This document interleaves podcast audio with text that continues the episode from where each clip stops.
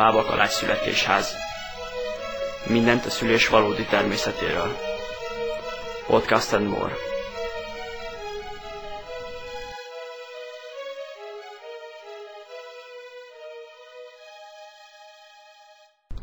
Sziasztok, Görbic Adria vagyok, a Bába Kalács születésház bábája, és ti most azt a podcast sorozatot hallgatjátok, amiben a szülésnek azokról az érdekességeiről mesélek, amiket manapság már nagyon ritkán látni.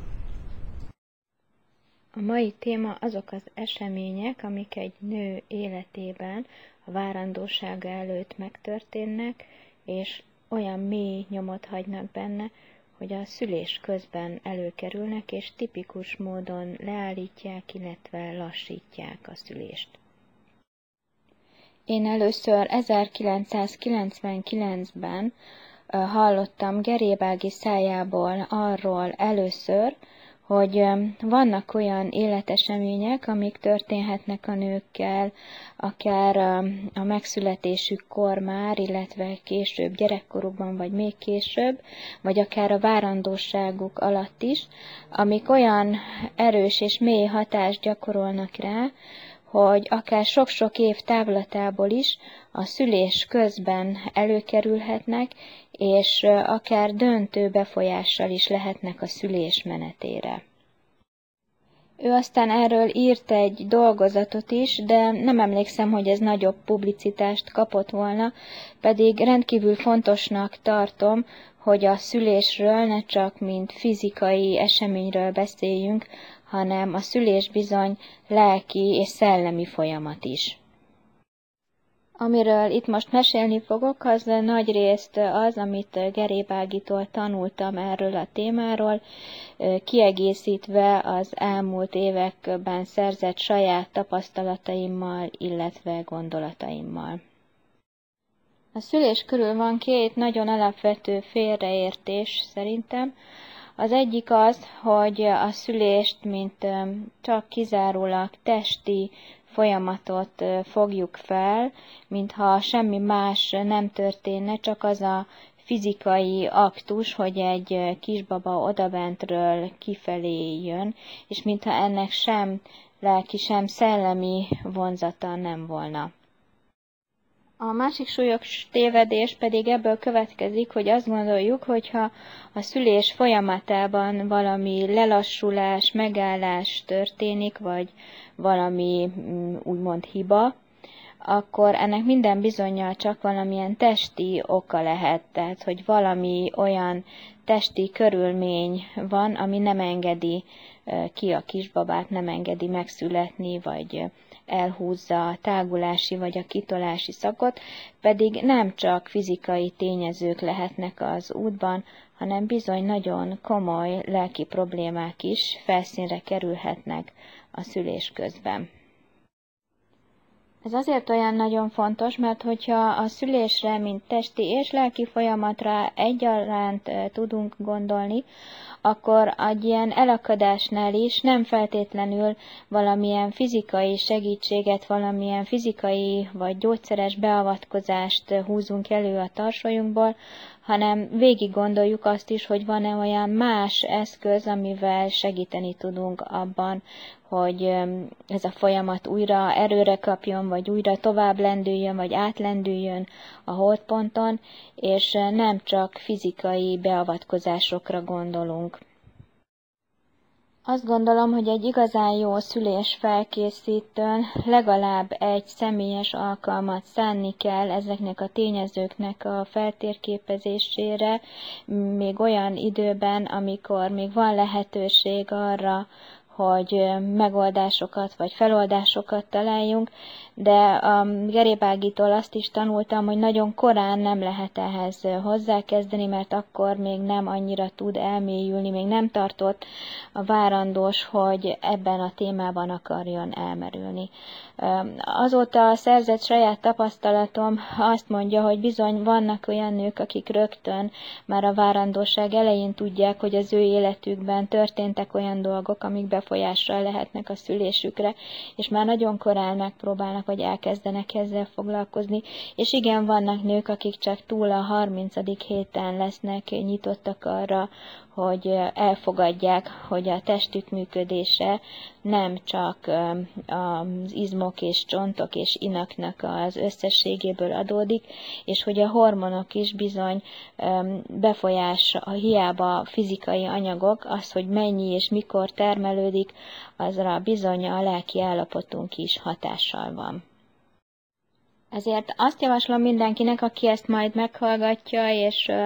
abban a listában, ahol felsorolom, hogy mik ezek a tényezők, amik befolyással bírnak a szülésre, akár várandósak, akár nem,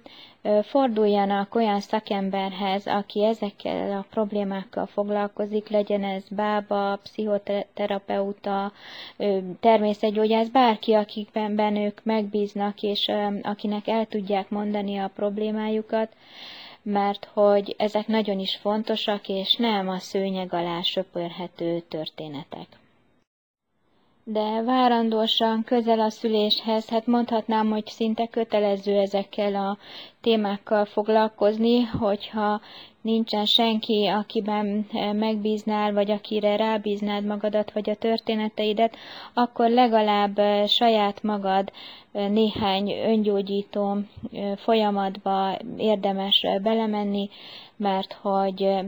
tényleg ezek olyan erős történések, amik szülés közben előjöhetnek, és órákkal, napokkal meg tudják hosszabbítani a szülés menetét, sőt, akár a hüvei szülést vagy a beavatkozás mentes szülést lehetetlenné is tudják tenni.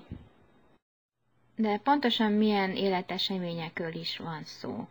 Az első, amiről beszélni kell, az, hogyha valakinek alkoholista szülője vagy szülei voltak, akikkel gyerekkorában felnőtt.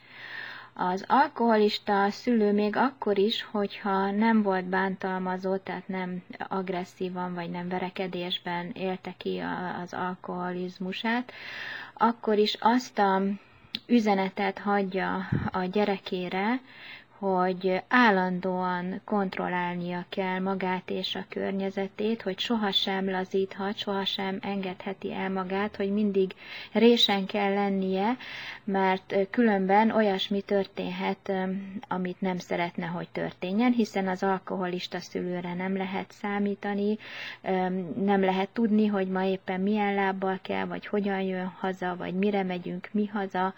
és azok a gyerekek, akik ilyen helyzet helyzetben nőttek föl, ezek ezt tanulják meg, hogy ők sohasem engedhetik el magukat. Ezért ezeknek a nőknek, akik ilyen körülmények közül jönnek, a tágulási szakban lesz a legnagyobb problémája, hiszen a tágulási szak az, ami arról szól, hogy el kell lágyulni, el kell engedni magunkat, hagyni kell, hogy minél erősebben jöhessenek a kontrakciók, hogy minél jobban eldobjuk az agyunkat,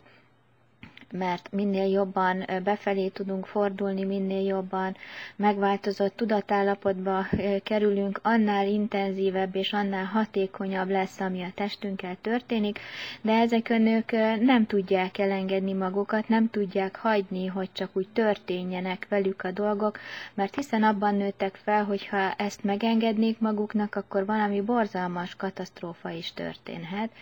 és ilyenkor egy rémesen a akár napokig elhúzódó vajudásra számíthatunk,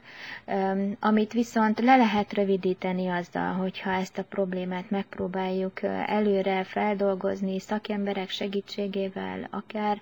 és akkor nagyon-nagyon sok időt és energiát megspórolhatunk, hiszen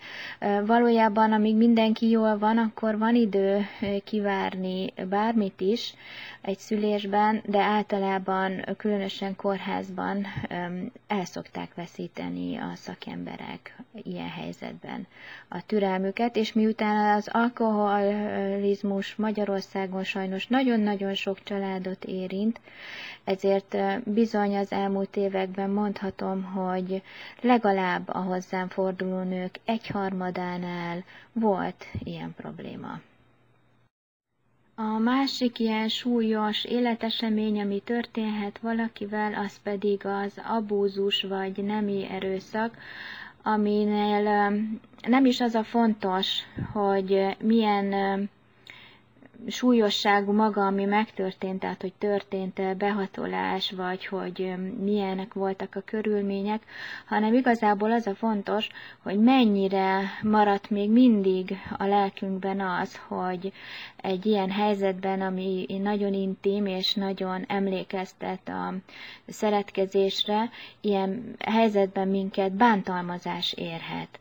És lehet, hogy ez fizikailag csak egy mutogatós bácsi volt, vagy egy fogdosó ember a héven, mégis hagyhat ez a mi lelkünkben olyan súlyos nyomot, amitől ez kikerülhetetlenné válik, hogy egy ilyen szintén nagyon intim helyzetbe, amibe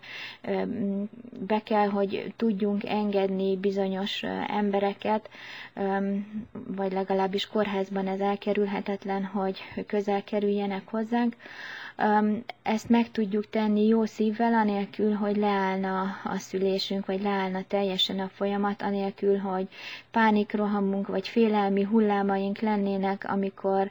testi szinten, mert itt nagyon sokszor nem arról van szó, hogy ezt tudatosan fel tudjuk idézni, hogy mi az a történés, ami megesett velünk, hanem egyszerűen testi szinten megpróbálunk megszabadulni azoktól az emlékeztető érzésektől, részéről, amik ilyenkor felszínre törnek, tehát nem bármilyen súlyosságú volt az abózus, tehát nem az számít, hogy mennyire súlyos volt a történés, hanem az, hogy mennyire mély nyomot hagyott még most is ez bennünk. Hogyha erre a hívószóra felidéződik rögtön, könnyek szöknek a szemünkben, érezzük azt a borzalmas érzést a gyomrunkban, amit akkor, akkor igenis annyira jelen van ez még most is az életünkben, bármilyen régen is történt, hogy muszáj ezzel foglalkozni, hogy ne okozzon szülés közben problémát. Van ennek egy olyan speciális esete, amikor valaki nem is tudja magát az eseményt felidézni, csak valahogy az álmaiban vagy megérzéseiben földereng az, hogy vele történt ilyesmi. De senki nem tudja ezt megerősíteni, vagy senki nem, vagy ő nem emlékszik konkrétan rá, hogy mi történt vele, hiszen lehet, hogy nagyon kicsi volt, vagy hogy annyira próbálta ezt elfedni, hogy már nem tud rá tudatosan emlékezni. Ettől ez még a, ott van a testében ennek a lenyomata, és bizony szülés közben előjöhet. Tehát bármilyen, ha csak a legkisebb sejtés is van arra, hogy ez a probléma érinthet, akkor ezzel bizony foglalkozni kell.